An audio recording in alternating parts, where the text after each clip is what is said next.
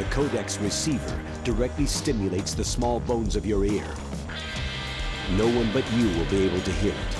No one but you. Stay a while and listen. Nerdeprat.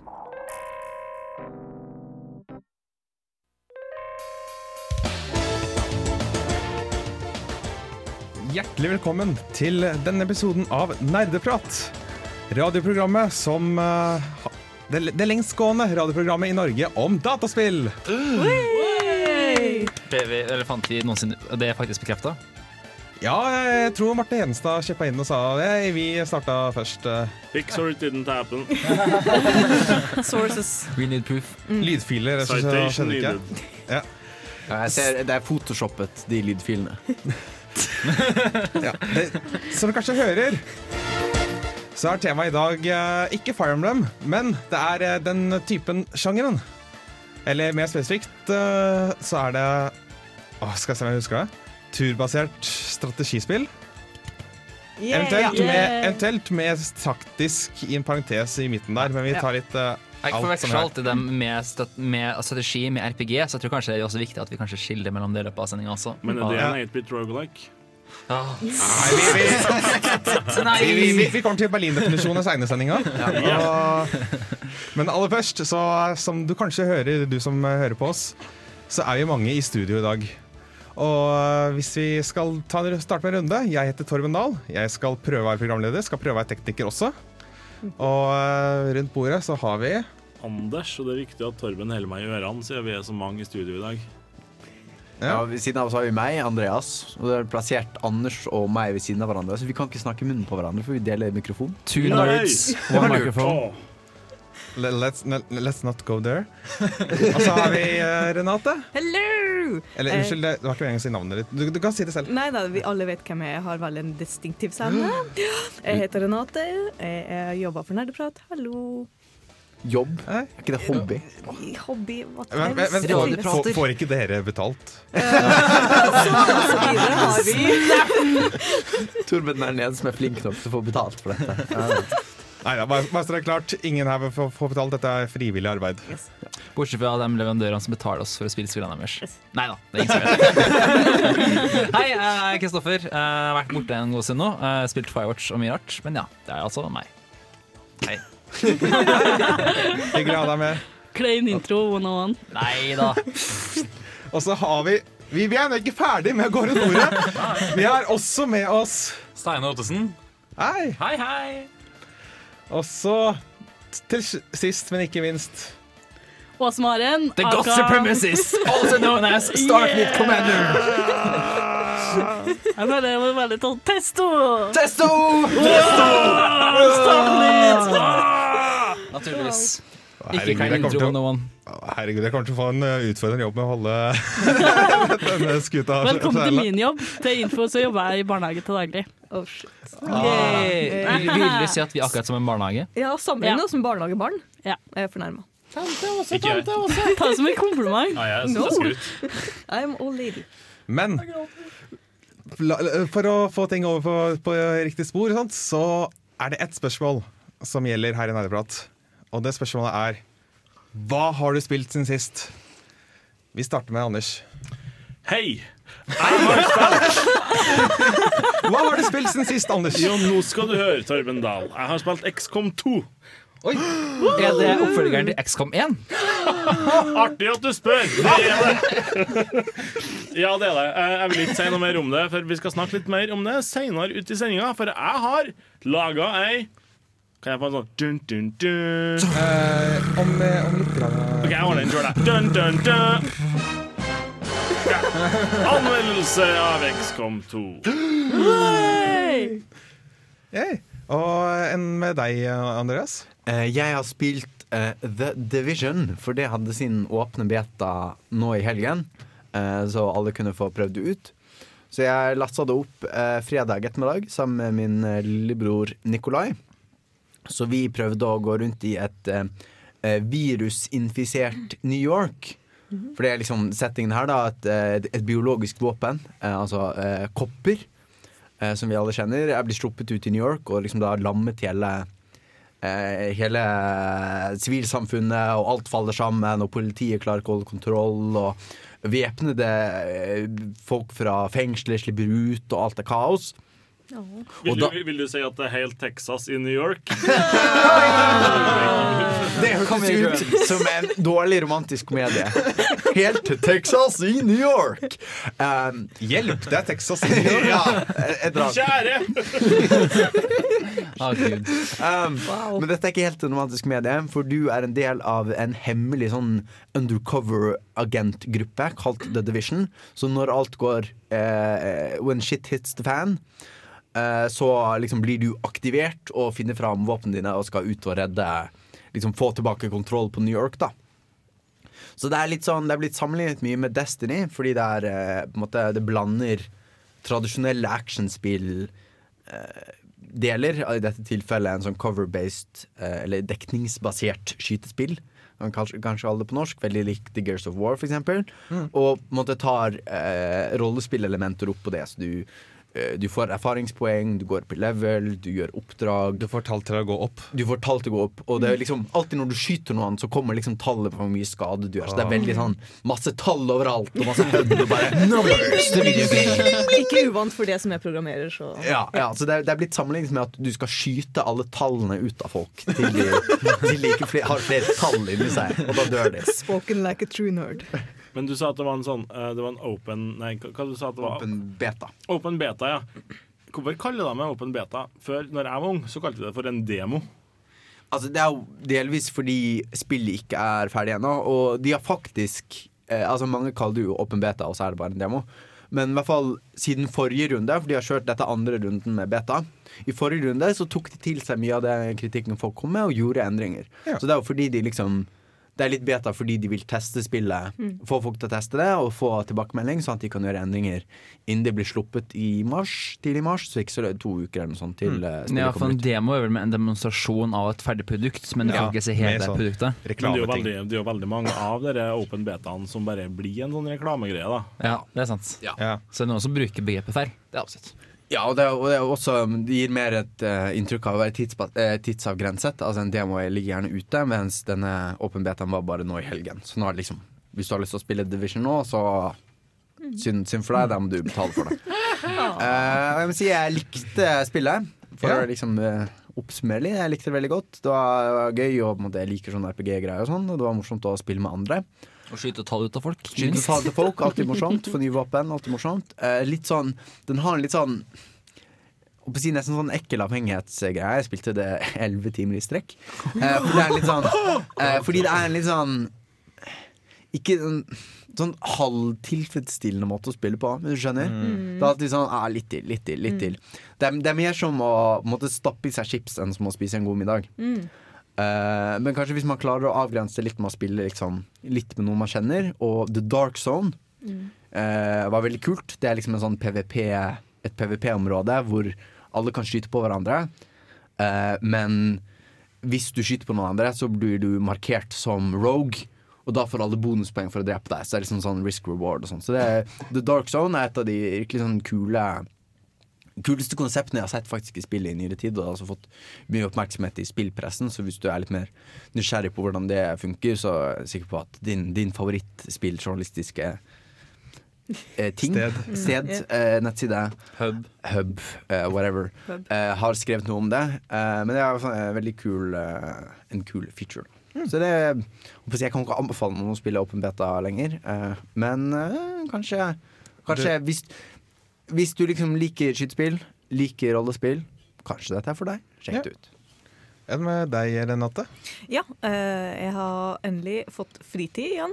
Eh, ja, halleluja for deg. Eh, så jeg har endelig greid å sette meg ned og kose med et skikkelig spill som jeg er så skikkelig glad i. Pillars of Eternity. Åh oh boy, det Og så det, godt. er det, det er det sånn Dungeons and Ja, litt sånn veldig Dragons-aktige Mm, veldig spillet? Dungeon and Dragons-inspirert. Og liksom har turn, nesten sånn turn-based. Jeg vil kalle det litt sånn turn-based strategispill, iallfall. Ja, vi har snakka om det på programmet her før, tror jeg. Mm, yeah. Jeg tror jeg har spilt det. Mm. Eller jeg tror jeg har spilt det. Spilte du? Det var mer memorable! OK, friendship over. Spilte du det, eller spilte du det ikke? Gå tilbake Eller spilte det deg? Snap! Jeg vil si at det spilte meg. Fordi jeg husker fortsatt at jeg døde miserabelt. Ja. For jeg mista nighten min, og da bare var alt fucked. Ja, ja, hvis du tenker nighten, eller Barbarian Fighter uansett, så er du ute og kjører.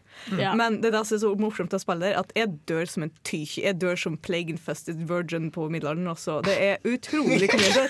Men allikevel så er jeg, jeg blir så glad i det spillet, for det er så gripende historie og artige karakterer, og det er bare det er lagd på en så bra måte. Jeg, jeg greier nå ikke sette ordentlig ord på det. Så det har jeg kost meg i helga, da, plutselig. Ja. Mhm. Ja, apropos ingenting, har du hørt om Stockholm-syndromet? Ja, Hva? Hæ? Nei. Hæ? Um, Eventuelt masochisme. Altså. Nei, det er ikke det. Men, men jeg har også spilt et annet spill som jeg snakket om sist gang, som heter Neko Atsume. Og jeg har kjøpt Ja. meg ny garden, så jeg kan plassere kattene og kattelekene mine i, og det er så koselig. Og det er litt sånn der kosespill om dagene, da. Så det har jeg spilt. Mm. Yay. Eh, apropos eh, kos, her skal du få en uh, låt av Deaf by Unga Bunga. Den uh, heter så mye som 'Strangers from the Sky'. Der hørte vi uh, Deaf Baunga Bunga med 'Strangers from the Sky', som var litt strange, ja. Oi. Hvor er komedietrommene? Jeg har det meste her, men jeg gidder ikke å tykke på det nå. Nei! Du, du, du skal få den seinere, Chris. Ok, thanks. Apropos eh, Chris, eh, Hei. hva har du spilt siden sist? Oh, jeg har faktisk ikke spilt noe siden sist, men forrige uke så spilte jeg jo Firewatch. Og i den anledningen så Det er en funksjon på slutten av spillet. eh, og da er sånn, ja, det her er noe jeg kan bruke penger på. Eh, så jeg brukt penger på det, og nå Hva, hva, hva, hva er det du vifter i mikrofonen, Chris? Jeg vifter i mikrofonen en konvolutt. eh, For nemlig fra USA så har jeg blitt tilsendt bilder fra engangskamera du får i spillet. Å, ah, ja. sånn 100, jeg husker ikke, 150 kroner eller noe sånt, tror jeg. Engangskamera. Uh, og, hæ? Ja, for bare engangskamera. Nei, for bare bildene, og det er veldig kult, for at til og med på den konvolutten for helt ytterst, så er det sånn det tar deg fra spillet med liksom name Henry, og når den mottok deg i 1989, og etc., og hvilken størrelse på filmen og alt. Og så har Posten av Norge plassert et sånt svært klistremerke på toppen av det. Altså, ok, thanks. Uh, men når du åpner den konvolutten, da, så får du en ny konvolutt inni, akkurat som du fikk før når du bestilte med engangskamera. At du får en sånn konvolutt inni da, som beskytter bildene. Og der har en stor logo da, med den fremkallingsprodusenten. Jeg lurer på om det er noen i posten som blitt skikkelig forvirra. Ja, og det ser jo litt legit ut. sånn. 80-tallet? Har det bare ligget rundt her, liksom? Endelig skal vi få levert! Vi leverer Men alltid! konvolutten ser da så ny ut. Ja, det, og, ja oransje og Your memories have arrived. Og inni her så har du da 20, de 20 bildene du har tatt i spillet. Ser kjempefine ut. Og så er det de fire-fem spoiler-bildene fra historien som du får se på slutten av på rulleteksten. Eh, eller ikke så spoiler, da, men det er litt. Uh, og det eneste Bildene er veldig fine, men jeg synes bare at de ser litt annerledes ut da enn det jeg tok dem i spillet. Så jeg mistenker egentlig og jeg har lest litt på nettet sånn også, at det er visstnok en eller annen fotograf da, som har tatt veldig veldig, veldig, veldig mange bilder. Eh, og så, de, så, så tar, Når du tar bilde, så blir det tilsvarende likt. Det er, da ser han finner bildet som er nærmest. da Slik at det ser vanligvis litt bedre oppsatt ut og litt bedre rendra ut enn uh, når man tok bildet sjøl. For det er veldig mange bilder her jeg husker jeg tok, men jeg mener at jeg komposisjonerte annerledes. da Kan være at jeg tar feil, for all del, men jeg mener at uh, det var det jeg leste etter. Altså, da de ser iallfall veldig fine ut, så jeg tenker å henge dem på veggen. Så det er Ja. veldig kul gimmick. Eh, Så hvis du har spilt Firewatch, så tenker jeg hm, skal jeg bruke 150 kroner på det? Jeg synes det var Men, verdt det. Chris? Ja. Kan du, kan du nå spille eh, Firewatch en gang til og bruke enda 150 kroner på nye bilder? Ja, det kan, kan Anders! Å, så bra! Så nå skal jeg bare finne ut bekreft teorien min om det er mine bilder han tar, eller ikke. Skal bare ta screenshot av ham. Next time! I'll get you photodome! Next time! Men eh, vi har også deg her i studio, Steinar. Ja. Hva, hva har du spilt eh, siden sist? ja, nei, nå har jeg fullført uh, A Link Between Worlds, endelig. Det var dritgøy. Uh, jeg brukte altfor lang tid på bossen å finne ut at jeg kan snu meg og skyte pil i motsatt retning i rommet. Spoiler er- alert! Det er spoiler, men det er- var litt viktig å komme med. Hvor gammelt er dere spiller?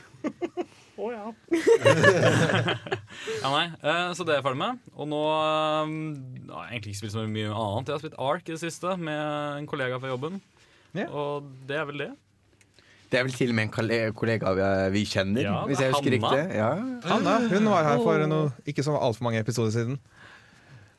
Så det er det jeg har gjort for det meste i spillverden. Jeg nå dere har leite etter tips. Jeg har kommet med en sånn tipsliste i studio her, sånn folk kan gi meg tips om hva de har spilt i det siste. Pills of Eternity. Kanskje du, kjære lytter, har et tips til hva Steinar kan spille neste gang? Ja. Så send en SMS med kodeord 'revolt' til Hva var nummeret igjen? Jeg er ingen som husker det. av- Nå ødela du alt, Chris! Altså, for, altså, for sikkerhets skyld, skyld så kan du sende SMS med kode revolt til 0000 0001 0002 Det, det kan fort bli veldig dyrt hvis du betaler fem kroner per eh, I verste fall så kommer det her til å koste rundt 50 000 kroner. Ja. Men det fleste, det fleste telefonoperatører har en sånn sperre lagt inn som gjør at det stopper til 5000 kroner. Tingene du lærer på nerdprat. Har du spilt noe siden sist, Åsemaren? Ja, vet du hva? Jeg har faen meg spilt og jeg har spilt og jeg har spilt. For Jeg har begitt meg ut på oppfølgeren til Kim Kardashian Hollywood, som heter Kendall and Kylie. Kendall og Kylie Jenner, altså søstrene til Kim Kardashian. Eh, og i dette spillet, det er som Kim Kardashian Hollywood, hvis det er noen av lytterne som har spilt det. Jeg tviler egentlig. Så det er som det, bare kulere. For du har liksom du har litt sånn eh, monotype font, og så har du kulere klær. Og det er veldig, så er veldig personlig for søstrene, da. Altså kulere enn Kim Kardashian Hollywood. Ja, men Den altså, okay, må du legge det på landet da. med. Det er ikke mulig. Er det objektivt kulere, eller er det bare du som synes at det er kulere? Jeg synes det er kulere, kanskje fordi jeg er yngre. Fordi Kim Kardashian Hollywood er voksen Hollywood, men så er det på en måte ung Hollywood. For her har du i Kim Kardashian Hollywood så har du det tradisjonelle med liksom eh, Du er fair på moteshows og du har fotoshoots og sånn. Her har du liksom podcasts og sånn, da. Eh, så basically det det går ut på, eh, det er at du fer på sånne events som du vlogger. Eh, og så tar du selfies etterpå som du legger ut på nett. Sånn i sånn virtuelt eh, sosialt nettverk. Det er helt rått. Som du får likes på, da. Og da kan du kanskje få nok likes til at det skal ha hashtag trend. Så det blir helt trending shopping eller noe sånt på Twitter, liksom. Help! Det, det, og så skal du av dette her, da, så skal du få mer followers, og så skal du få sponsorer. Så det du lever av, da. Det er liksom internettgenerasjonen i et spill. Det er veldig fascinerende. Jeg synes det er veldig kult at det faktisk bare for å gå litt utover det at det bare tuller med å si help. Jeg synes det er veldig kult at det faktisk er noen andre studier som spiller noe radikalt annerledes i forhold til det jeg spilte vanlig. Det, er liksom, det er ve- altså, veldig interessant å høre, men høre på. og- Altså, hva er, altså det går på, men hva er det det går ut på? Det Altså- går ut på at du fer på event. Men- Altså, du må trykke, da. Ja. Du må bruke energi, da. Ja, for Du nevnte også at du har laga en Instagram-konto for Ja. denne figuren. Fordi hvis du deler det på et, på et sosialt nettverk, på ekte, så får du mer likes på bildene dine. Så du har laget en ordentlig Instagram-konto for en eh, fiksjonell karakter? Ja. Fascinerende. Og du, og, Det er så du litt kult. oppfordres til det.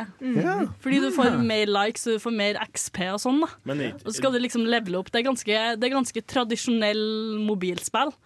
Med at du trykker på ting, og så skal du liksom Og for eksempel når du er på dates, så tar det tre energi for å kysse, sant?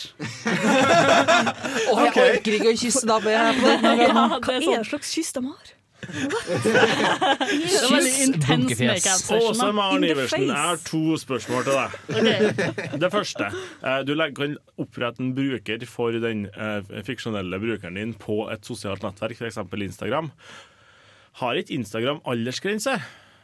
Og ikke noe sånn at du må være en ordentlig person for å kunne opprette en Instagram? Sånn egentlig sånn rent juridisk Jo eh, da, men du er jo ja, over 13 Skal vi, i neste spørsmål også.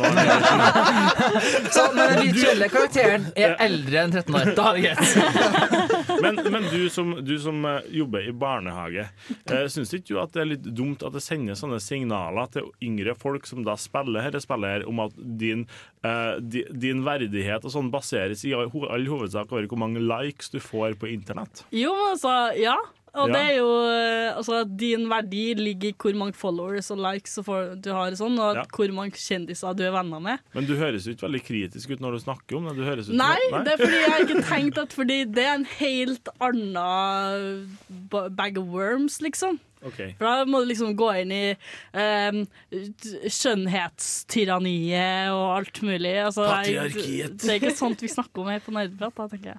Vi har snakka mye om patriarkiet på Nerdeprat.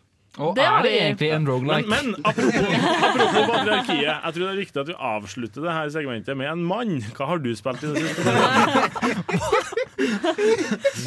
Til opplysning, til opplysning så har jeg spilt et ordentlig spill i tillegg som heter XCOM 2, som jeg skal snakke om masse Det er senere. bra spill. Ja.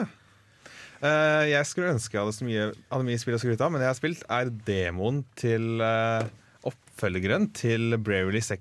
Bravely, hva heter det? Bravely Default? Default. Bravely ja, Default, ja. Mm. Nemlig Bravely Second. Square Enix uh, klarer fremdeles ikke å lage fornuftige titler. Men eh, La oss finne to ord som høres kule ut separat, og se dem sammen til å bli ett tittel. Ja, men jeg tenker Bravely Default. Det er liksom modig default. Det, er, det er veldig poetisk. Jeg Mm. Jeg liker syns, det. jeg syns det er et veldig vakkert ord, ja. Jeg syns det. Det høres ut som et Bravely bandnavn. Default. Det er sånn man finner bandnavn. Du bare tar to kuler og setter det sammen. Det høres ut som et bandnavn som tidligere hadde et annet bandnavn, så fant de ut og hadde en sånn season desist-greie. Så bare Vi må finne på et nytt navn! ja, jeg vet ikke om jeg har noen tanker om spillet. Jeg, føler ikke jeg har spilt, fått spilt det nok. Men det er, liksom Bravely Default, bare litt mer. Og Bravely Default var et uh, ganske et JRPG. Litt, litt sånn tilbake til gamle Final Fantasy-type RPG-er. Hvor det er masse stats, sånn dexterity og masse sånn Og det er mange forskjellige jobber og, som du kan bytte mellom. Type classes, da. Mm. Så et tradisjonelt eh, godt bygd eh, rollespill. Litt for uh, kanskje de som er, eh, er rollespillfan. Men det er litt sånn, litt sånn default. Er Bravely oh default. Ja, ok, så det, det, det er litt default, men det er Det det er ikke default lenger da, hvis det er toeren. Det, men det er hakket, er kulere enn en basic bitch. Jeg tok det ikke. Eh, låt. Ja, så det var det vi har spilt siden sist. Men eh, det har også skjedd ting siden sist. Så Renate skal eh, ta oss med på en tur i eh, spillnetts nyhetsverden. Jeg vet ikke om det er en ting, men aller først skal du få Weezer med låta 'King of the World'.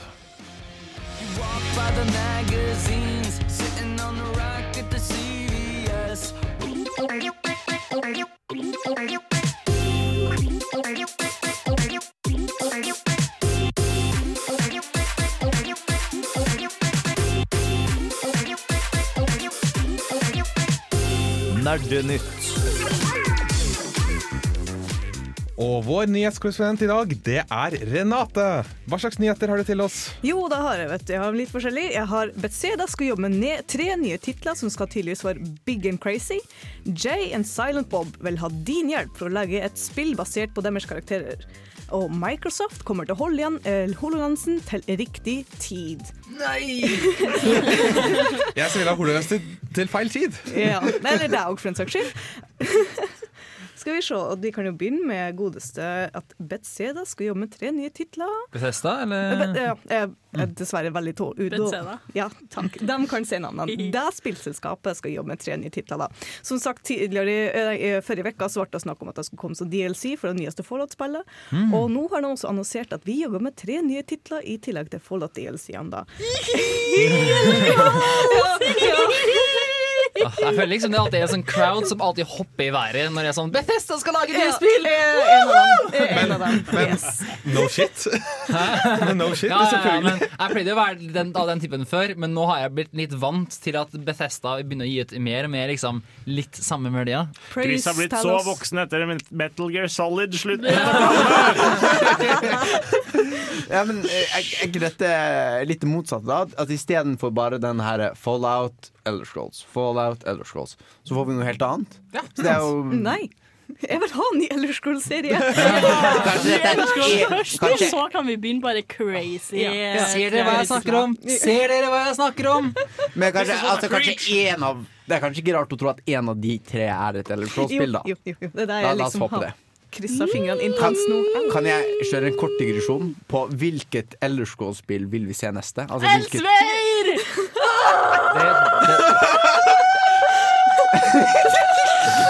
Og det mistet vi også. ingenting.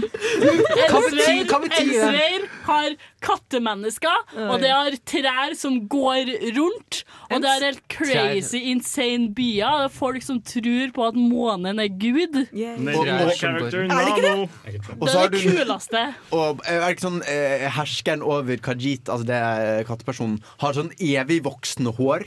Ja. bare sånn Ja! eh, liksom er bare dekket i sånn eh, halv kilometer lang dreadlock Pels. tro Pels. pelsgreie. Det er helt sykt. Han er jo the main, Ja. liksom. Pu eh, putting The the, crazy back in Elder The man. Er det bare jeg som datt av nå, eller? Jeg har hørt trær som går rundt, og det datt ut. Men kult. Uh, har vi Vi har Mens også Maren har greid å komme tilbake til jorda. Er det Men, men har vi fått noen konkrete titler? Nei da, det er bare ja, de, de skal Nei da, har, det er liksom, de har sagt tre nye prosjekt, så det må jo være noe big. Hvis Ja, ok. ikke har de bare sagt ja, vi skal, jobbe med tre nye, eller, vi skal bare jobbe med nye ting. Da. Så det blir spennende. Men ja, jeg har Ja. også Unnskyld. Jeg har også at uh, Jay and Silent Bob, som er kanskje om det er basert på en film, eller om det er film av dem, eller om de har vært med i filmer, de har søkt etter kickstarter, eh, funding da, for å lage et eh, spill fra deres karakterer. Og det, jeg har sett litt screenshots, det virker veldig sånn eh, 2D, tegneseriestiler og litt sånn um, Hva det kalles igjen? Hva skal, hva? Sånn Convo Combo Made, så det er sånn nesten type slåssespill, rollespill, da. Men eh, er det noen som vet hvem J Jay and Silent Bob er? Her i studio? Eh, Ja, jeg har, jeg har sett veldig nei, sånne populær 90, film fra 94 eller noe sånt. da. Før vår tid! Jeg, har sett filmen for lenge og lenge og lenge og lenge siden. Mm. Og Han ene ligner litt på Jens Erik, som noen gang er med i Nerdeprat. Ja, for du, du er jo fra før vår tid, Anders. Korrekt. Ja, det får være veldig store, viktige, mm, populære karakterer fra 90-tallet, Ja. Um, så jeg kan tenke meg at de har fått litt suksess, kanskje? Med ja, kanskje litt fra den eldre generasjonen som liker spill. Og liksom bare, oh, å, det var artig! det er dem! Ja, det- Herregud! Og Ok, Chris det som er at. Jens Erik og en kompis av ham har cosplaya som de her to før. Så det er hysterisk morsomt, da. Er det de Clerks-folka? Hæ? Er det det samme som Clerks? Ja, stemmer. Ja, okay. det er, ja, er Stemmer. Ja, de har jeg hørt om. Det er, jeg Ja, det er litt sånn kult Det er litt sånn kultserie. det. Ja, det, Så jeg ja, kan se for meg her er det noen eldre folk som har penger. Ja. Som er villige til å bruke mye penger på å Yes. Så nå plutselig altså, trenger man ikke å være gammel for å høre noe lenger når du fant ut hvem det var. uh, en stor film som er fra, det er fra 'Chasing Amy', Brunt Arnold'. Så det er de to veldig viktige karakterer der. Ja, 1994 kom første Clerks ut. Eller det var filmen Clerks. Ja, stemmer. Eh, yes, Vi har også at uh, Microsoft kommer til å holde igjen uh, HoloLenses, som er deres svar på uh, Oculus Rift, da, kan man si. Og de gjør det her fordi at de fikk så dårlig respons på Kinect, og derfor føler de at ok, vi må kanskje se an markedet før vi går videre på det her. da.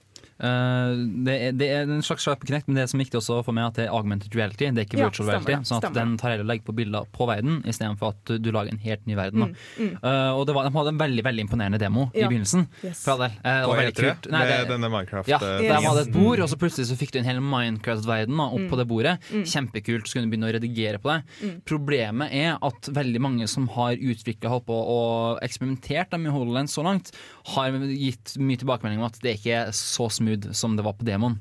Noe som det sjelden er, men at det, det er en, et krav nesten at det må nesten være så smidig da, som det var på den demonstrasjonen for at det hele tatt skal fungere. Så hvis de ikke har fått til å få det til å bli særlig mer eh, så flytende som vist på demoen nå, så skjønner jeg veldig godt om de må utsette. Veldig synd, men jeg ville heller ha noe som fungerer, enn noe som fungerer halvveis. Ja, det var veldig mange på E3 også som rapporterte, og det var lav sånn field of view, og det var veldig wonky, da, Mm. veldig før si tid, kanskje. Ja, og jeg tenker spesielt Altså, én ting er hvis du har fullstendig virtual reality. Da har du nok problemer med at hjernen blir litt sånn kvalm. Hvis Ja. ting ser litt sånn halvekte ut. Men spesielt hvis du har disse halvekte tingene ved siden av noe som er helt Ja, ekte. da kan du liksom sammenligne, og da blir det som ser fake ut, blir på en måte eh, vist som fake med en gang. Da. Du kan klare ikke å lure. Det er mye vanskeligere å lure hjernen til å tro at noe er ekte, når du kan sammenligne noe som faktisk er ekte. Ja, da Microsoft har blitt veldig flinke også på å lage eh, De er veldig flinke til å lage prototyper først, som kan, kanskje ikke fungerer så bra, og så gjør de mye bedre. Eh, Blant annet så har jo Surface-serien, for eksempel. Ja. Den starta veldig dårlig. Den, var, den prøvde å være sånn 2-1 laptop og tablet på en gang. Det fikk de ikke til helt i begynnelsen, men etter to-tre iterasjoner så har de nå fått noe som faktisk begynner å virkelig ta inn på markedet. Så jeg, kanskje, det er ikke sikkert det skjer med HoloLens, men det kan være at det skjer med dem også, og det håper jeg, for det er et veldig kult konsept. Det bare må raffineres og forbedres. Akkurat som, som Oculus VR i begynnelsen. Ja. Jeg ser i hvert fall fram til å uh, få en sånn eh, add-on eh, til HoloLens, hvor det, sånn adblock. Tenk deg at du kan gå i gata, og så blir alle Alle reklamer på bussholdeplassen blir bare hvite eller noe sånt. Byttet ut med morsomme gifs, ja. Du, her skal du få Rakwan og Kabawak Pyramid med Be Inspired. Og så får vi mer nyheter etter det.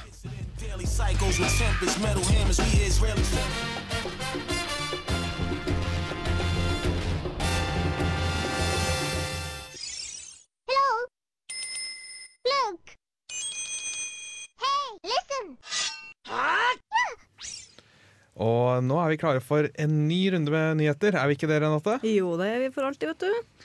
Eh, Det første jeg har her oppe på min liste, er at Activision fra Blizzard har kjøpt opp King. Og for dem som ikke vet King, det er sikkert eh, noen som ikke gjør det, er det at King har produsert populære mobilspill, sånn som Candy Crush, blant annet. Og så har jeg også at uh, The Division-betaen hadde seks, eh, unnskyld, 6,4 millioner spillere. Veldig mye folk der. Og så er det at norsk ungdom spiller mye, og som spiller mye, har mye dårligere karakter enn normalen. da. Ja, du trakk opp den blant annet, Anders, sa jeg tidligere i chatten. Og du syntes den var interessant. Ja, den syns jeg var spennende. Ja, hvorfor det?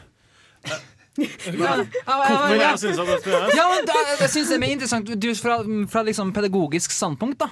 Eh, altså, jeg syns, det er artig at det endelig altså, det dukker opp noen data som, som på en måte er med å si noe om, eh, om hvordan dataspill påvirker ungdom. Ja. Eh, for det er jo dukka opp utrolig mye som sier at det her er positivt. sant? Eh, man blir flinkere i engelsk, bla, bla, bla. Hjernen fungerer mye bedre. Man får, større, man får en større penis av å spille dataspill. Altså, nei, altså, det har vært, bare vært positiv omtale nesten i, i, i en lengre periode. Og så dukker det opp noe nå som sier at Uh, hvis du i utgangspunktet er er ganske umotivert på skole uh, Skolevegring er jo en ganske, ganske reell problemstilling for tida. Veldig mange som ikke liker å gå på skolen. Hvis du da i tillegg spiller dataspill, så er sjansen veldig stor for at du blir enda mindre motivert for å være på skolen. Det er i hvert fall sånn jeg har lest en undersøkelse. der sånn. Det sier jo ikke noe om at eh, hvis du spiller dataspill, så er du automatisk en taper, for det er jo ikke det den sier. Den sier at er du umotivert og bruker mye tid på dataspill, så blir du ikke noe mer motivert av det. Du blir faktisk mindre motivert til å fortsette. Du blir bare mer gira på å spille enda mer spill. Og det, det Er dere uenig med meg? Må jeg spørre først. Nei, jeg syns det er interessant at vi, at vi har fått en undersøkelse som har gått inn for å finne svaret på den bekymringen som mange foreldre går rundt med og lurer på. At eh, er det liksom bare en Jeg føler det har vært en myte i lang tid. da Ja. Det At spilling er negativt for deg. og sånt Ja, for det er veldig Ah. viktig å ta opp at det er to sider av sånne her saker, og det er bra at vi liksom får opplyst opplyst denne typen, da.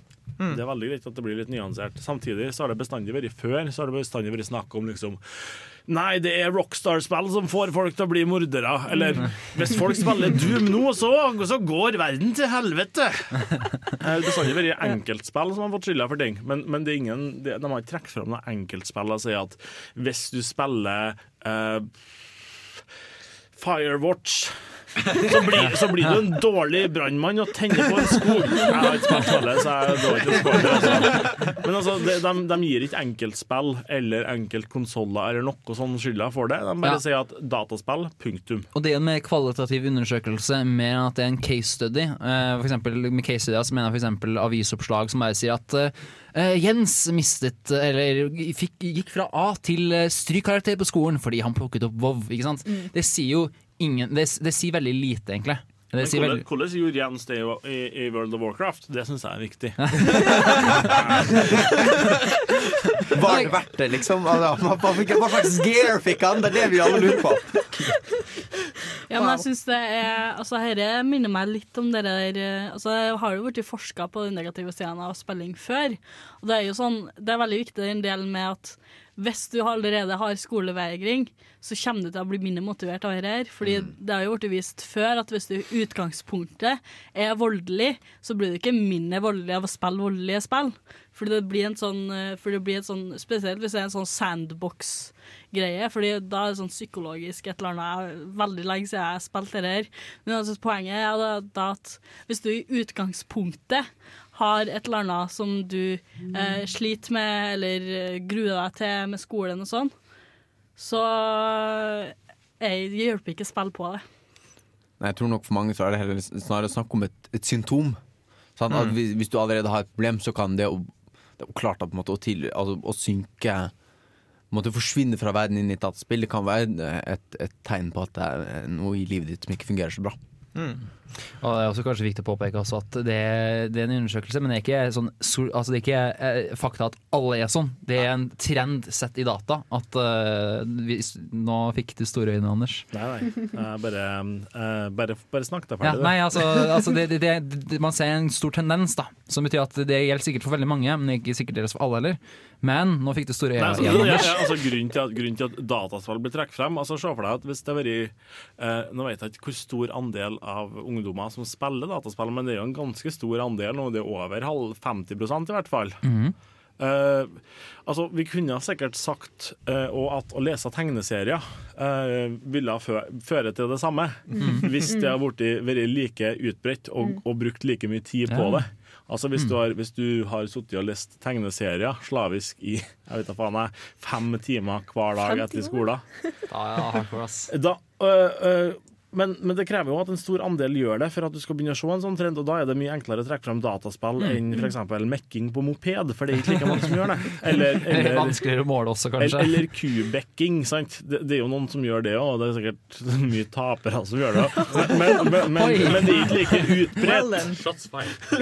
Bekker du kyr, så er du ikke en bra fyr. Bam, steinsko! school! Nå mister vi kanskje et par lyttere, men du vet ja. Visuelt Nice kyr, knowing kult. Uh, do your thing. Uh, Anders approver ikke. Og mot og, ja, å vise fingeren er ikke så veldig effektivt virkemiddel på radio, Anders. Det, Det får meg til å føle meg bedre. Og du kan ikke bli tatt for det heller. Jeg kan bli calla ut på det. Ja, ja. Hvil- Hvilke andre nyheter var det du hadde? Nat? Smooth. Takk for at du spør, Torben. Eh, som sagt, det var jo også Activision uh, Blizzard da, som har kjøpt opp eh, King.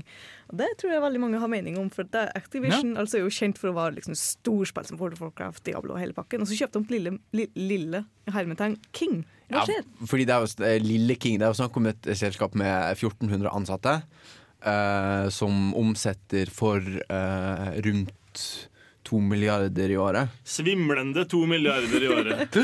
Ja, altså, så jeg, jeg sjekker litt opp dette på forhånd, og det, altså, eh, King har ca. halvparten av omsetningen og også halvparten av profitten av Activision Blizzard. Så det er ikke snakk om, det er ikke snakk om et stort selskap som eh, kjøper et veldig lite selskap, det er snakk om et, et stort selskap som kjøper et også ganske stort selskap. Og jeg syns, altså, jeg syns det er et veldig fremtidsretta trekk fra Activision. For at uh, du har jo i Japan for eksempel nå, det er mye mer ekstremt på alle måter enn de fleste vestlige land. Men i Japan så har trenden gått mye mer fra konsoll til at det skal gå mot uh, mobilapper. da. Som er blant annet grunnen til at uh, f.eks. Konami uh, begynte å gå helt bananas og skjøtte ned alt som hadde med konsoll å gjøre, så å si. Og fokusere nå hovedsakelig på mobilapps, for det er der markedet ligger. Det er Og pachinko-maskiner. ja, Pachinko-maskiner. Markedet i Japan akkurat nå ligger på Pachinko-maskiner og mobilapps. Og det, altså, den, hvis du ser tall altså, på hvor mye et, noen av de største mobilspillene i Japan tjener, det er helt sjukt. Det er sånn flere, million, altså flere hundre millioner nesten på dagsbasis, tror jeg. Om jeg ikke tar helt feil. Det er sjukt. Så jeg syns det er veldig fremtidsrettet av Activision å kjøpe opp et mobilselskap som har en, som har en fungerende arbeidsflyt, som lager jevnlig store spill som blir populært, og som tjener inn masse penger. Ja, for det er jo kjempelurt, for det betyr ikke nødvendigvis at nei, nå er det slutt med alle store rollespill. og sånne ting. Nå er det bare mobil, for nå, for nå kommer det ut til flere og bredere publikum og i tillegg mer forbrukere hele pakken, så cash money. Ja, for det er jo ikke sånn at altså, Blizzard har jo Altså, når Activision og Blizzard slo seg sammen, så var det jo ikke sånn at Activision sluttet å gjøre Activision-ting, og Blizzard sluttet å gjøre Blizzard-ting. Det virker som Activision Blizzard er ganske tydelig på at de vil la måte, folk gjøre spillutviklere gjør det de er best på. Og fra det jeg leste på King også, så er det litt den innstillingen de vil ha. De, de lar utviklere være ganske selvstendige. Altså være av eh, De har mange produkter. De har Candy Crush, de har eh, Bubble Witch Saga. Altså De har mange produkter, og de lar på en måte Saga, saga. ja, ja, saga, saga. Eh, de, de lar utviklerne være i stor grad uavhengige, sånn at selv om de er et enormt selskap Altså 1400, det er ikke enormt, men et ganske stort selskap, så blir det på en måte ikke så treigt eller tungvint, da. Mhm. Fordi de lar folk ha sin selvstendighet og være kreative. Kremt Microsoft, kremt.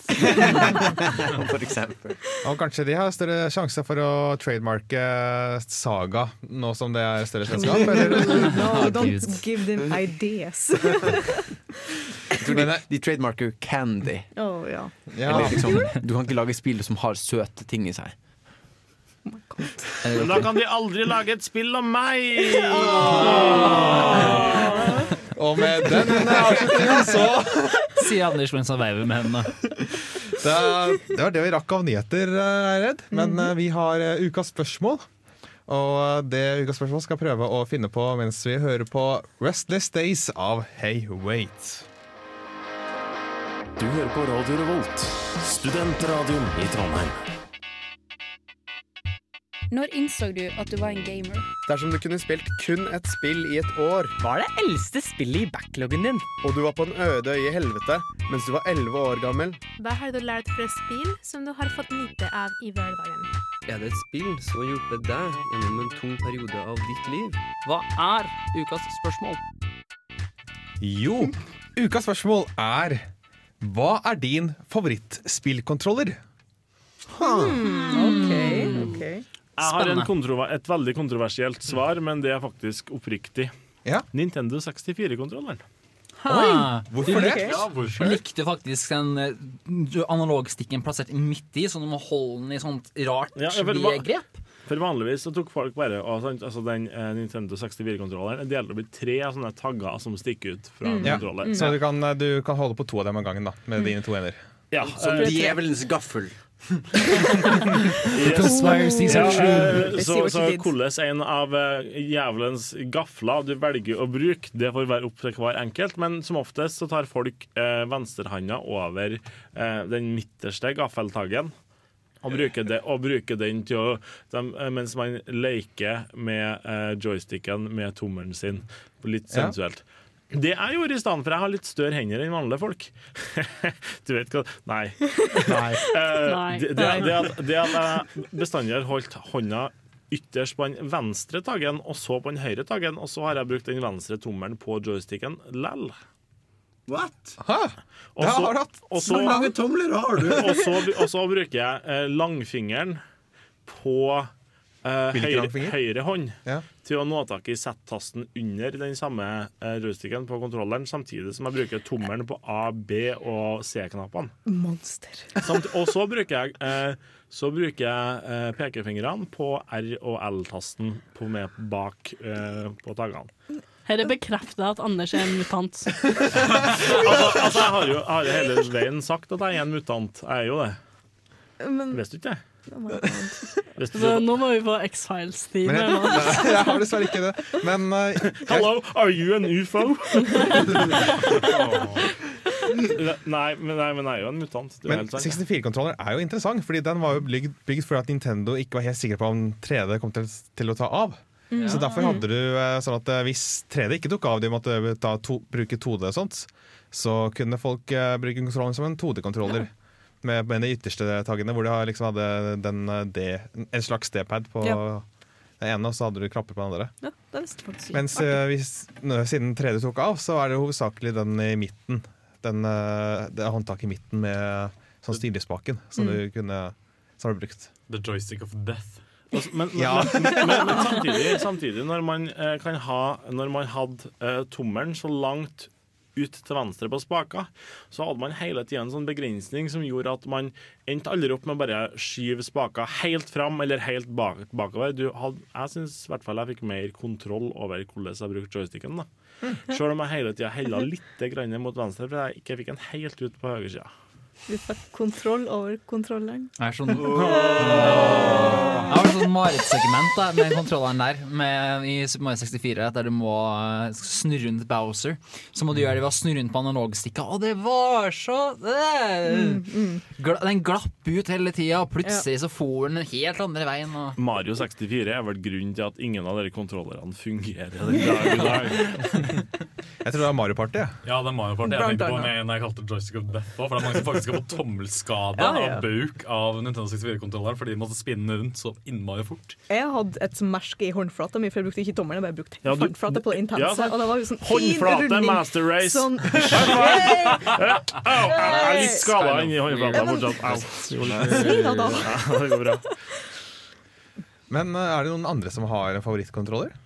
Er ukontroversielt. Xbox 360. Den er jo god, den. Har du prøvd Xbox One-kontrolleren? Nei. Eller PlayStation 4-kontrolleren? Ja. Du likte, du likte PlayStation 4 mindre enn Xbox 360? Ja. Da vil jeg tro at du kanskje vil like Xbox One-kontrolleren. Hmm. Det er basically forbedringer på alle punkter. Jeg jeg har litt lyst til å få prøvd Xbox One Elite-kontrolleren. Ja. Oh. Ja, hvis du ikke vet Det, altså, det er håndkontrolleren som koster like mye som en Xbox One.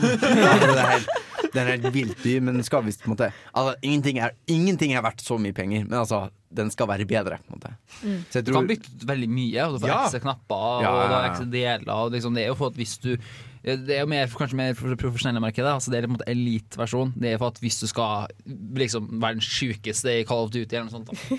Ja, Men- altså Bytte ut klapper som i at eh, hvis du vil ha noen andre typer klapper, istedenfor Mm. å ha A, B, X, Y, så kanskje du har lyst på noe annen analog stikker eller noe sånt der. Mm. Så kan du liksom bytte det ut sånn. Så det, det, det er et veldig kult konsept, syns jeg. Hvor mange pros er det som spiller på konsoll? Det, det lurer jeg på. Eh, Halo 5 Guardians har litt et eh, profesjonelt miljø, altså. Så det, Ja, det er sant.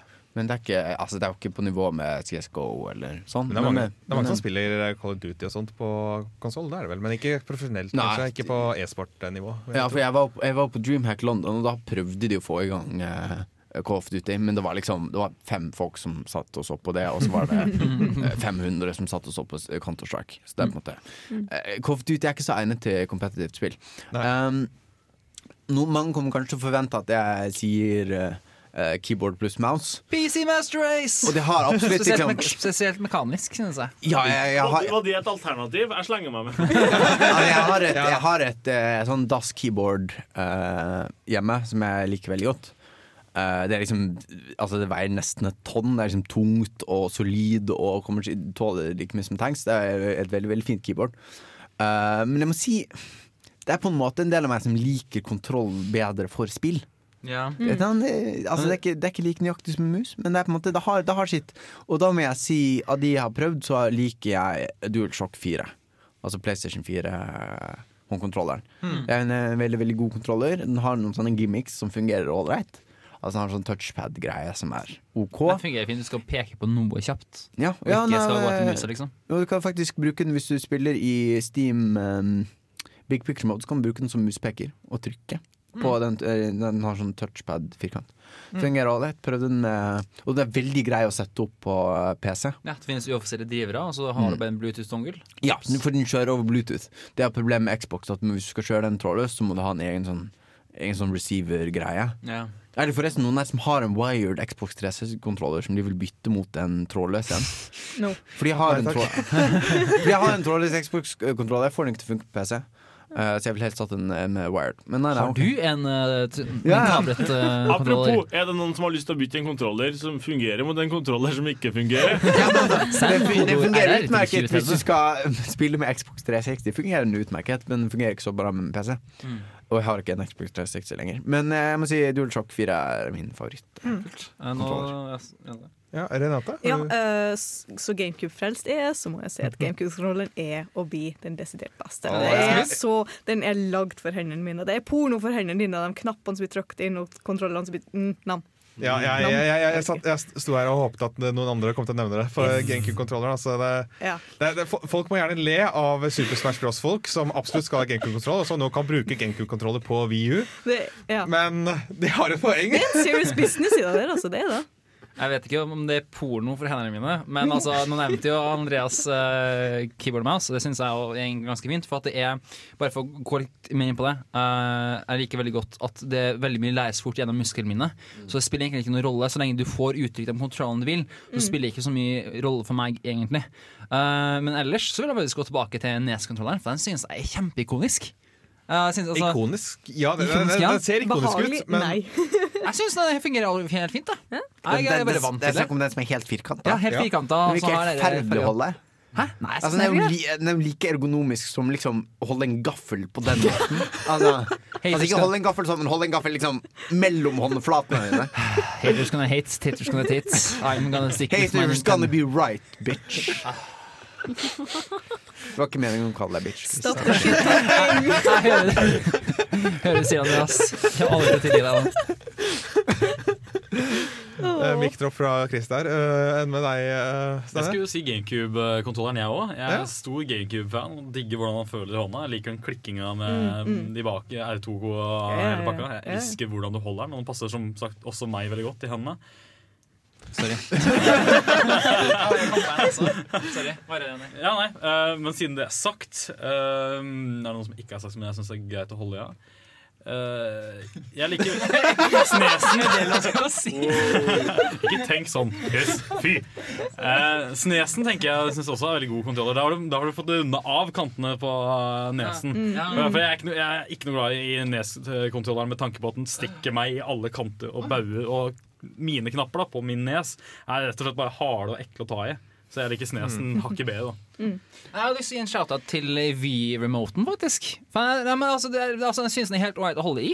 Eh, og jeg synes at eh, jeg liker hele settet. Og jeg liker at det gjør spilling så mye mer tilgjengelig for folk. Det var En av de største grunnene til at den har vært solgt så mye, var jo for at den var intuitiv å bruke. Det, for mange så var det liksom det å svinge rundt var ålreit. Eneste negative var, var en hardcore-spiller, eller at du spilte lengre spill, sånn som f.eks. Zelda, eh, der du også styrer sverdet med å fekte. Og det var veldig mektig irriterende i lengden. Ja, og vi, har, mangler kun ett svar i, på dette spørs- spørsmålet. Hva er din favorittkontroller, også, Maren? Jeg svarte på det i stad. Å, gjorde du det? Xbox 360. Xbox 360. Herregud, jeg har minnet som en gullfisk. Men uh, Svart-hvitt, Du kan repetere deg at den er best, liksom. Men kan jeg, kan jeg komme med en, en kjapp sånn eh, metakommentar? For Ja. jeg synes det er litt interessant at vi snakker om på en måte de hovedkontrollerne. Mm. For det er noe jeg føler har falt litt ut i det siste, er på en måte accessories-kontrollere. Altså som for eksempel når vi spilte Need for Speed Underground, så hadde vi ratt og Mm, pedaler som vi brukte til. Og det har falt litt ut, egentlig. Jeg har ikke sett det noe særlig Altså, til Det er kjempekult med VR, for eksempel. Da er det kult. Ja, Men det er veldig se. begrenset bruk. Og Maren bare Du, du har tydeligvis ikke vært aktiv i Euro Truck Simulator. Shame! Here we go. non-trucker shame, eller noe sånt. Altså, har, du kan, du kan ikke, dere kan jo ikke se Anders, men Anders har den riktige barten akkurat nå. Til å shave noen for å ikke være en trucker. Å nei! Jeg, gikk meg litt for den eh, general under amerikanske borgerkrigen. Men det er greit. Det, er- det, er litt, det er litt overlapp. Det er litt overlapp. Altså, det er folk som bruker borgerstat, eh, det derre sørstatflagget. Heritage, not hate. Men apropos Anders, så skal vi høre hans anmeldelse av XCOM. Men Ja. aller først skal vi gjøre Motorpsycho med Spin, Spin, Spin.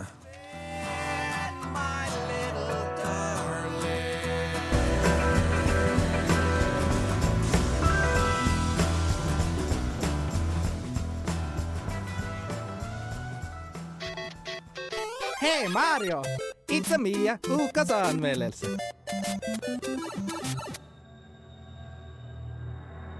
XCOM 2 er en direkte etterfølger av suksessen XCOM Enemy Unknown fra 2012. Om du ikke har spilt Enemy Unknown, så er handlinga at jorda blir angrepet av romvesen, og du er lederen for en internasjonal paramilitær organisasjon med ett oppdrag å beskytte jorda. Continues to build as city centers across the globe prepare for the 20th anniversary of Unification Day. Thousands line up at the site of the Great Accord, celebrating the formation of the Advent Coalition. I XCOM 2 så er vi 20 år frem i tid. Og det ser ut som at jobben med å beskytte jorda burde ha blitt tatt litt mer seriøst. For planeten er nå styrt av romvesen.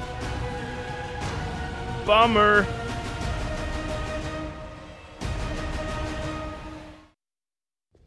Told them it would take more than that to keep you down. Welcome back, Commander. Herre gangen styrer du den mobile basen Avenger mellom forskjellige soner rundt omkring i verden.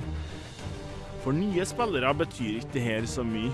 Men om du har spilt Enemy Unknown, så erstatter dette å bygge hangarer for å få en større rekkevidde på hvor du kan respondere på angrep. Du er òg noe begrensa i hvor mange treningsrom og utvidelser du kan bygge. XCOM 2 beholder allikevel det viktigste fra forgjengeren. Herlig turbasert strategi. Da romvesenene nå kontrollerer jorda, så har de plenty med jern i ilden. Det manifesteres som dark events, og du kan til en viss grad motarbeide dem. Men du må på ingen måte regne med å unngå dem totalt. Det blir som oftest at du må velge mellom to onder, og du har ikke så veldig lyst til å velge noen av dem. Spesielt ikke når valgene står mellom at en ufo forfølger basen din, og økte forsterkninger til alle basene til romvesenene. Om å ta sånne vanskelige valg oppsummerer store deler av spillopplevelser. Skal du redde gissel, må du velge hvem det er som får love. Om du velger å utruste snikskyteren din med en ny rifle, er ikke sikkert at du har nok ressurser til å hyre inn enda en forsker til å bemanne laboratoriet hvor du dissekterer døde romvesen. Yes, I find the process to be far less disconcerting when the subject is already expired. Sjøl om spillet passer på at jeg kan alt det grunnleggende i løpet av tutorial, så er jeg på ingen måte forberedt på det jeg blir kasta ut i etterpå. Herre spillet er vanskelig! Når jeg sier at det er vanskelig, så betyr ikke at spillet er urettferdig, for det er XCOM 2 på ingen måte. Hver gang soldatene mine dør, og det gjør de ofte, så er det min egen feil. Herre gjør at jeg fortsetter å gi meg sjøl skylda for alt som går galt, samtidig som at time etter time med XCOM 2 passerer.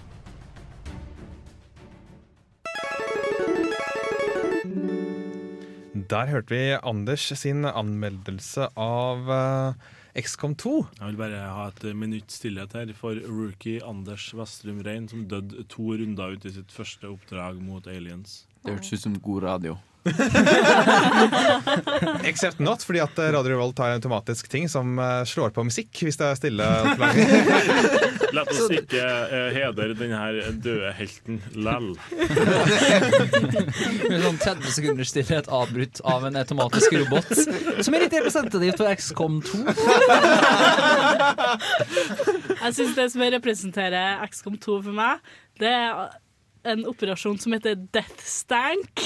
Death Stank? Death Stank. Stank Er det en faktisk operasjon i X... For, okay. Det er en faktisk operasjon i Operation 2. Death Stank, ja. For er, er, liksom, er kapitler i spillet delt opp i operasjoner, eller hvordan foregår det? Du, du uh, Spillet er delt opp i to deler, egentlig. Okay. Uh, du har den overmappen, som er det, uh, overworlden, der, du, der du kjører den Avenger-flyet rundt omkring i verden og bestemmer hvor du skal angripe neste gang og sånn. Mhm. Eh, og så har du den tact, eh, sånn tactical map der du styrer enkeltsoldater rundt omkring på mappen og kjemper mot aliens Ja. i turbasert.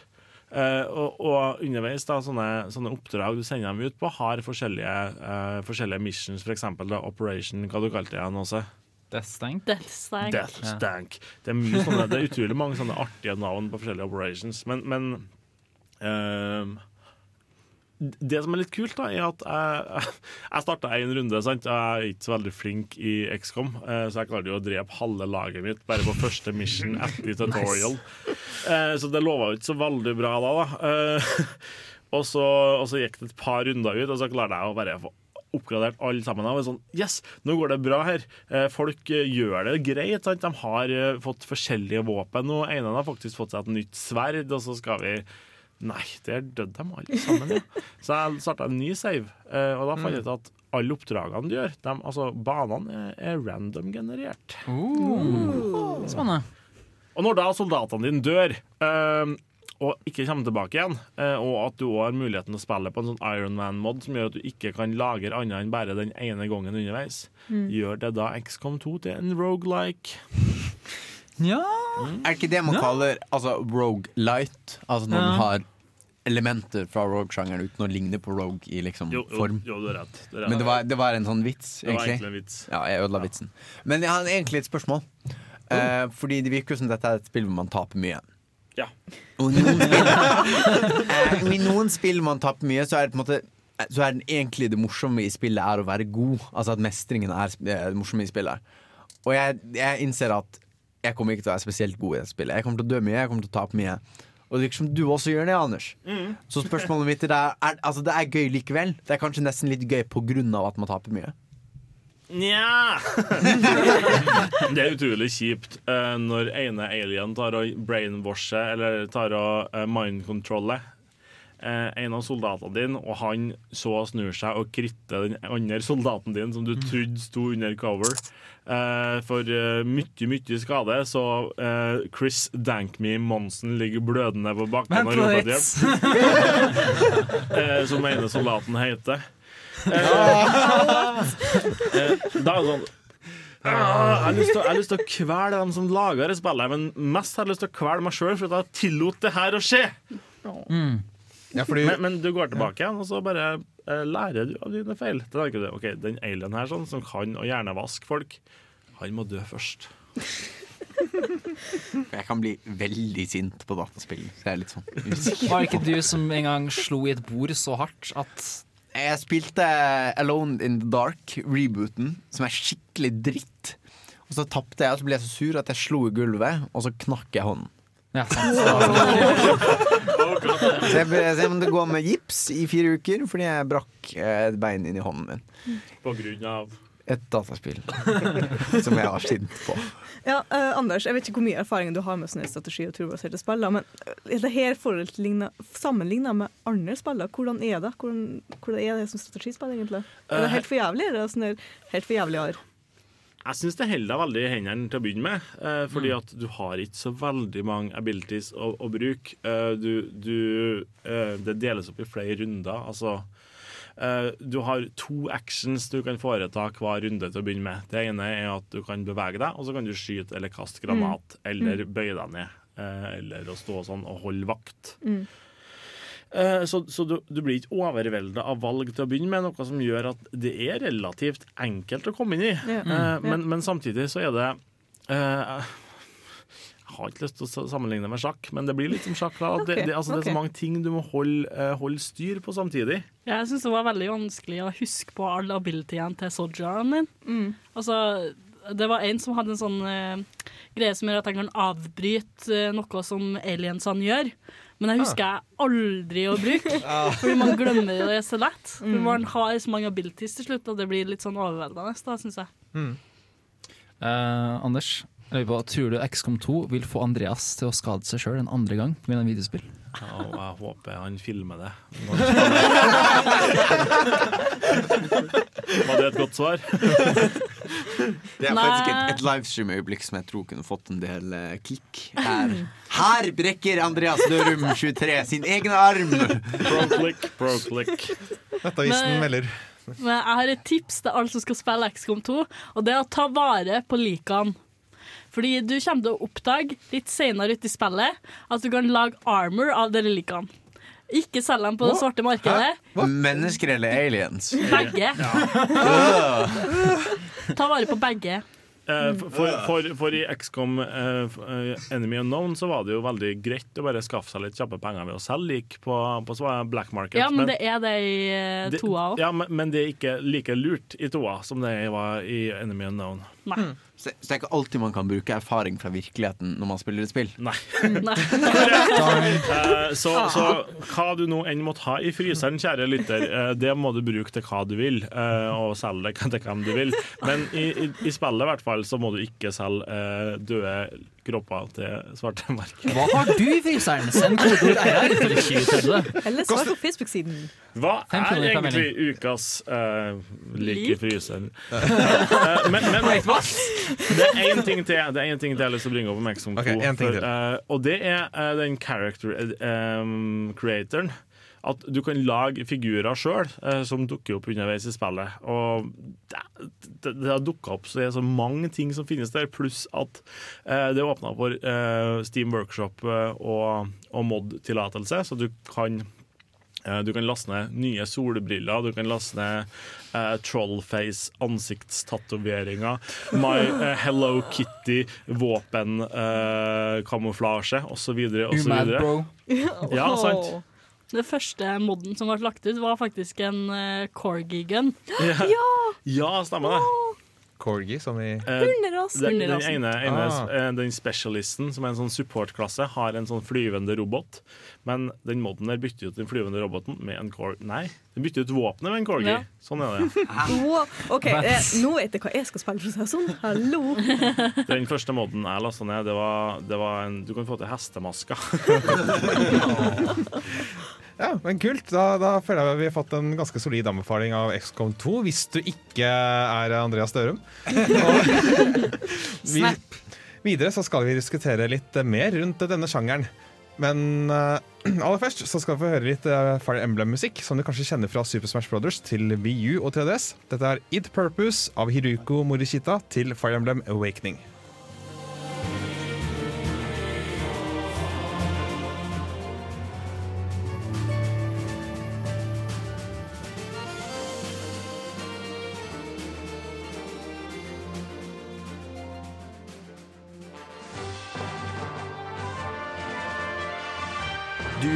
Nerdeprat på Radio Revolt.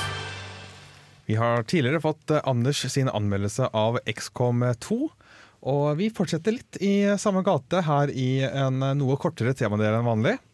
Vi skal nemlig snakke om eh, turbaserte strategispill. Og Eller turbaserte taktiske strategispill, eller i annen rekkefølge, eller Ok, jeg, jeg, har ikke helt- jeg, jeg har helt orden på dette. Hvis vi vi- sier turbaserte spill Hvis vi, hvis vi tar dette i turorden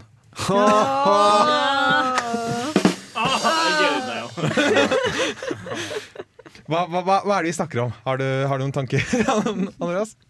Altså Det første jeg tenker på, er jo Siv. Mm. Civilization, som jeg har spilt en del. Og det er jo en sånn, det klassiske turbaserte spillet. Du har en tur. Eh, på den turen så kan du eh, bygge en ting, og noen ting tar flere ting å bygge. Du kan styre hvor enhetene dine skal gå hen. Eh, og du kan angripe med dem, og du kan flytte, du kan flytte så og så mange ruter per, eh, per runde osv. Det er liksom kanskje det mest arketypiske eh, turbaserte spillet. Men XCOM 2, eller XCOM-serien, er også et eksempel på turbaserte spill. Hvor du, som du sier, du har på en måte din tur, og så er det fienden din sin tur, og på den turen så kan du flytte rundt på enheten din og gjøre angrep. Men det er litt annen type kamp, fordi det er liksom en, rund, en kamp der varer kanskje ti minutter. Ja, ish. Eh, Det som er, det som er litt kult med XCOM og, og sånne spill, det er at det, det ligner veldig på uh, uh, sånn pen and paper-rollespill. eh, hvordan, hvordan combat fungerer der. At hver enkelt utfører sin tur, og så går man i en sirkel til alle sammen har fått Mm. brukt turen sin, og så er det, starter man på nytt igjen. Det, det er alle døde, skulle jeg til å si. Ja, for det er jo Når spill begynte, så etterlignet de jo mange sånne spill. Kanskje mye pga. en teknisk begrensning. Altså Jeg vil, vil tro at hvis mange hvis mange, altså Spill ville kanskje, hvis de hadde hatt valget, ikke begrenset seg på den måten. Men etter at den begrensningen oppsto, så har det liksom blitt et stilistisk valg. Nå er det ikke sånn at X kommer å være turbasert fordi det er vanskelig å gjøre det real time, men rett og slett fordi det er mange som foretrekker den, eh, den pacen. Eller Den eh, hastigheten. Hastigheten, Det er liksom hvordan spillet føles når du kan tenke over hm, Skal jeg gjøre det, skal jeg gjøre det? Og det blir, Ja. det blir jo en annen følelse. Og det er en veldig annen, å det er en veldig annen måte å spille på også. Det at Istedenfor at du må med en gang reagere på at noe skjer, så Mm. må du faktisk bruke litt av tida du får tildelt, og tenke hva er den beste måten å gå frem på. Uh, og det har på en måte Altså Mine to opplevelser med strategispill har alltid vært at du blir bombardert med mange menyer i begynnelsen. Veldig mye å lære seg, men når man har lært det, da er det herlig. For da Mm. får man få en følelse av kontroll, du kan faktisk gjøre ting du vil. Men det er en ganske bratt læringskurve i begynnelsen, vil jeg si. Spesielt om du aldri har spilt strategispill før. Og, og spesielt på grunn av at du har eh, i teorien ubegrensa med tid per runde, eh, så, så eh, kan de skru opp vanskelighetsgraden tilsvarende. Ja. Så Mm. det faktisk krever at du tenker deg om før du, før du spiller. Og kanskje eh, Strategi er kanskje spesielt en interessant sjanger, fordi du har både turbaserte strategispill og sanntidsstrategispill. Mm, og det kommer vi tilbake til uh, seinere. Ja. Men uh, Ja, fordi hva nå, nå leste jeg opp på Wikipedia, her, og her ser jeg at det er en artikkel som heter eh, 'Tactical Role- Role-Playing Game'. Al altså at det er rollespill Og det er en subsjanger av strategi. Det, Help! ja.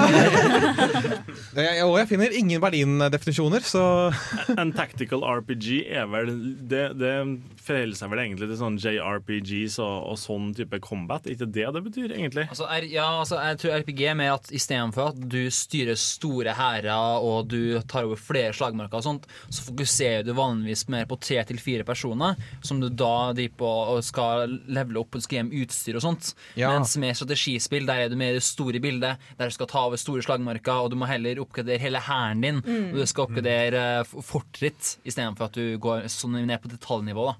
Så Mm. det er mye mer abstrahert, vil jeg si. Og det, eh, og det er der rollespill har sitt opphav. Altså De første var jo disse her eh, krigsspillene. Sånn, Hvor, man liksom, eh, hvor man flyttet rundt på sånn Warhammer. sånn, Flyttet rundt på store hærer. Så var det noen som tenkte hm, hva med at istedenfor at vi fokuserer på alle disse store hærene, hva hvis vi ser på bare noen få eh, helter, da, eller altså noen få personer, og ser på deres kamp. Og det ble Chainmail. eh, laget av annet Gary Gygax, som senere skulle lage Dungeons and Dragons. Så det er jo absolutt der rollespill kommer fra, er disse taktiske Altså først fra disse strategiske krigsspillene, og så de taktiske rollespillene. Kult. Det visste jeg ikke. Du må jo know. Ja. Så det, en, en forskjell mellom taktiske rollespill eh, og hva, resten av strategisjangeren er på en måte det at eh, du har individuelle figurer som eh, tar og som du leverer opp, og som har egne stats og sånt. Altså, jeg syns jo det emulerer veldig den hvordan man spiller brettspill i virkeligheten. Fordi da har du på en måte runder. sant? Du gjør Mm. dine ting, og så blir det neste, og så gjør de sine ting. Og det gir en helt ny dimensjon til hvordan du spiller det spillet. Fordi du vet aldri hva som kommer neste. Du kan, ikke, du har, du kan på en måte ikke reagere før det har gått en runde. sant? Og det endrer veldig hvordan du spiller spillet. Jeg vil sammenligne litt med eh, matlaging. For altså, Ja. Når man begynte med Ja. salting eller sylting, altså sånne ting Det begynte man jo med for å kon eh, konservere mat. Sant? Ja. Man gjorde det ikke fordi man hadde lyst til å salte eller sylte maten, men fordi den skulle vare lenge. Nå er det jo ikke sånn at vi må salte eller sylte maten vår lenger. Vi har kjøleskap, men vi gjør det likevel. Fordi nå liker vi det for sin egen del. Og jeg tror det er det samme at man, man på, på et brettspill så er det liksom det er teknisk vanskelig å få til at alle skal flytte rundt på brikkene sine samtidig. Altså, det hadde, det hadde blitt liksom helt ugjennomførbart. I dataspill så er det gjennomførbart, men vi liker likevel den kunstige begrensningen Mm. fordi den gir noe til maten vi spiller på. Ja, og jeg tenker vi skal snakke mer om denne kunstige begrensningen og mange flere ting ved denne sjangeren. Men aller først så skal vi høre enda en låt fra Fire Emblem Awakening til 3DS. Dette er Rei Kondo som har komponert denne. Rei Kondo står også bak eh, Bayonetta-musikken. Så dette er, eh, burde være kjent navn. Jeg kan fremdeles ikke huske på japanske komponisters navn så lett, da, men her skal du ha sett for Rei Kondos med, med You Have Power Like Mine.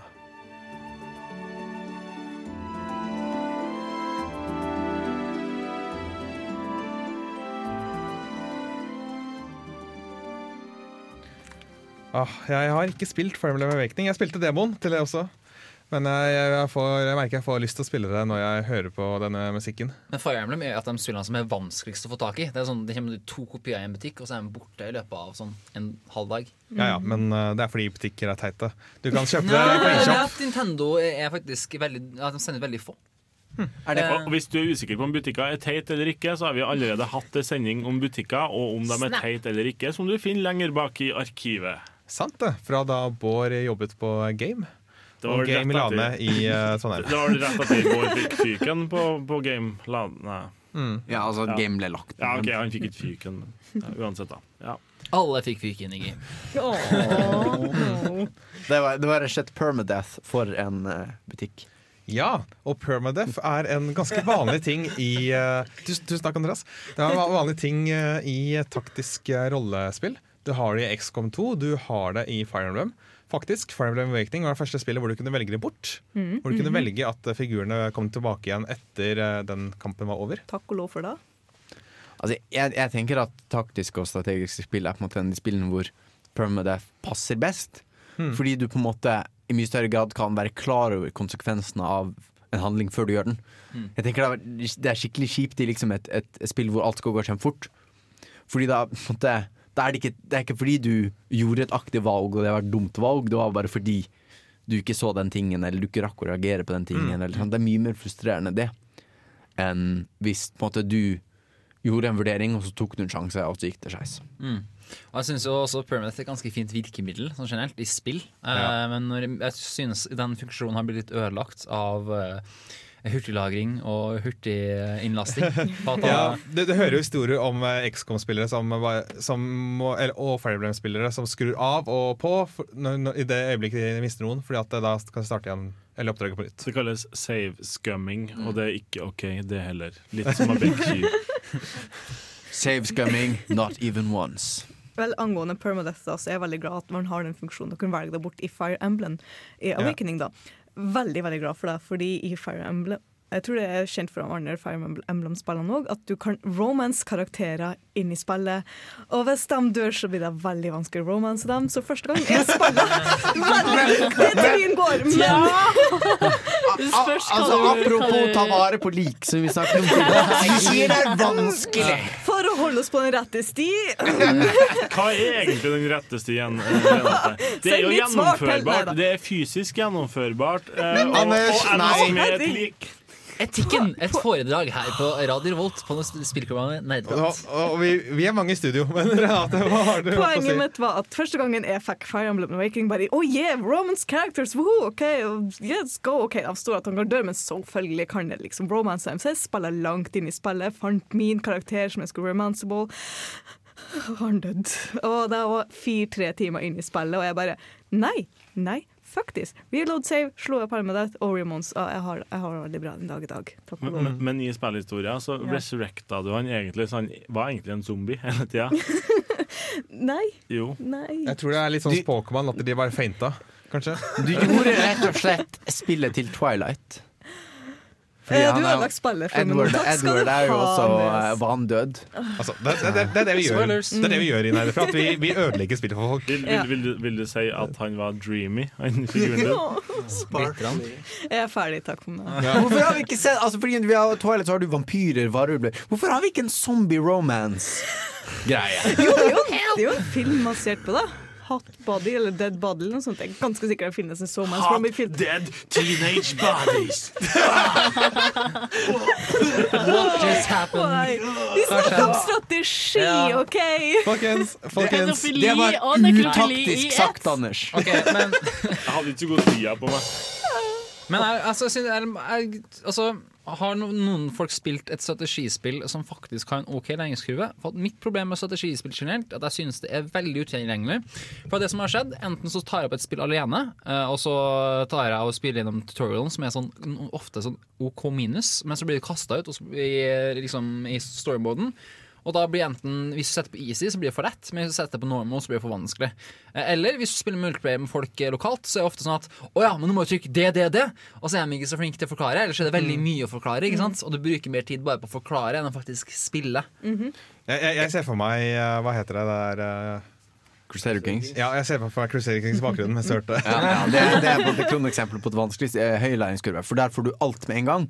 Jeg vil slå et slag for eh, Civilization 5. Ja. Eh, fordi altså, det har naturlig på en måte, oppskalering i at når du begynner spillet, så har du én by.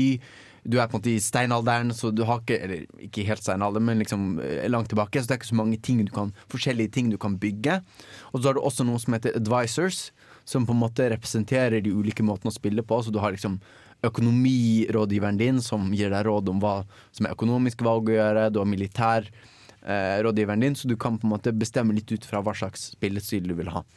Så eh, Civilization 5 få med deg eh, utvidelsespakkene, for de gjør veldig mye for spillet. Og da får du en sånn naturlig oppskalering i features. Det er det som er så greit med Civilization 5. I tillegg så er Civilization 5 sånn åtte vanskelighetsgrader. Det er noe for enveissmak der også. Mm. Men uh, jeg stygt redd for at det, det var det vi rakk i den eh, reduserte temadelen vår. Å nei, å nei, å nei, å nei! Å nei, å nei! Går det bra? Var det en Karius og Baktus-ting? Ja. Ah. Jeg tenkte faktisk julekalender, men jeg glem det. Ja. Mm. Avslutnings, avslutningsvis så vil jeg bare nevne at uh, du kan eh, like oss på Facebook. Yes. For Ikke å- frys din kjære i fryseren. Ja, og uh, du kan uh, også gi oss en anmeldelse på iTunes hvis eh, iTunes er din greie. Det setter vi veldig pris på. Og eh, inntil eh, neste gang så kan vi bare ønske dere happy gaming.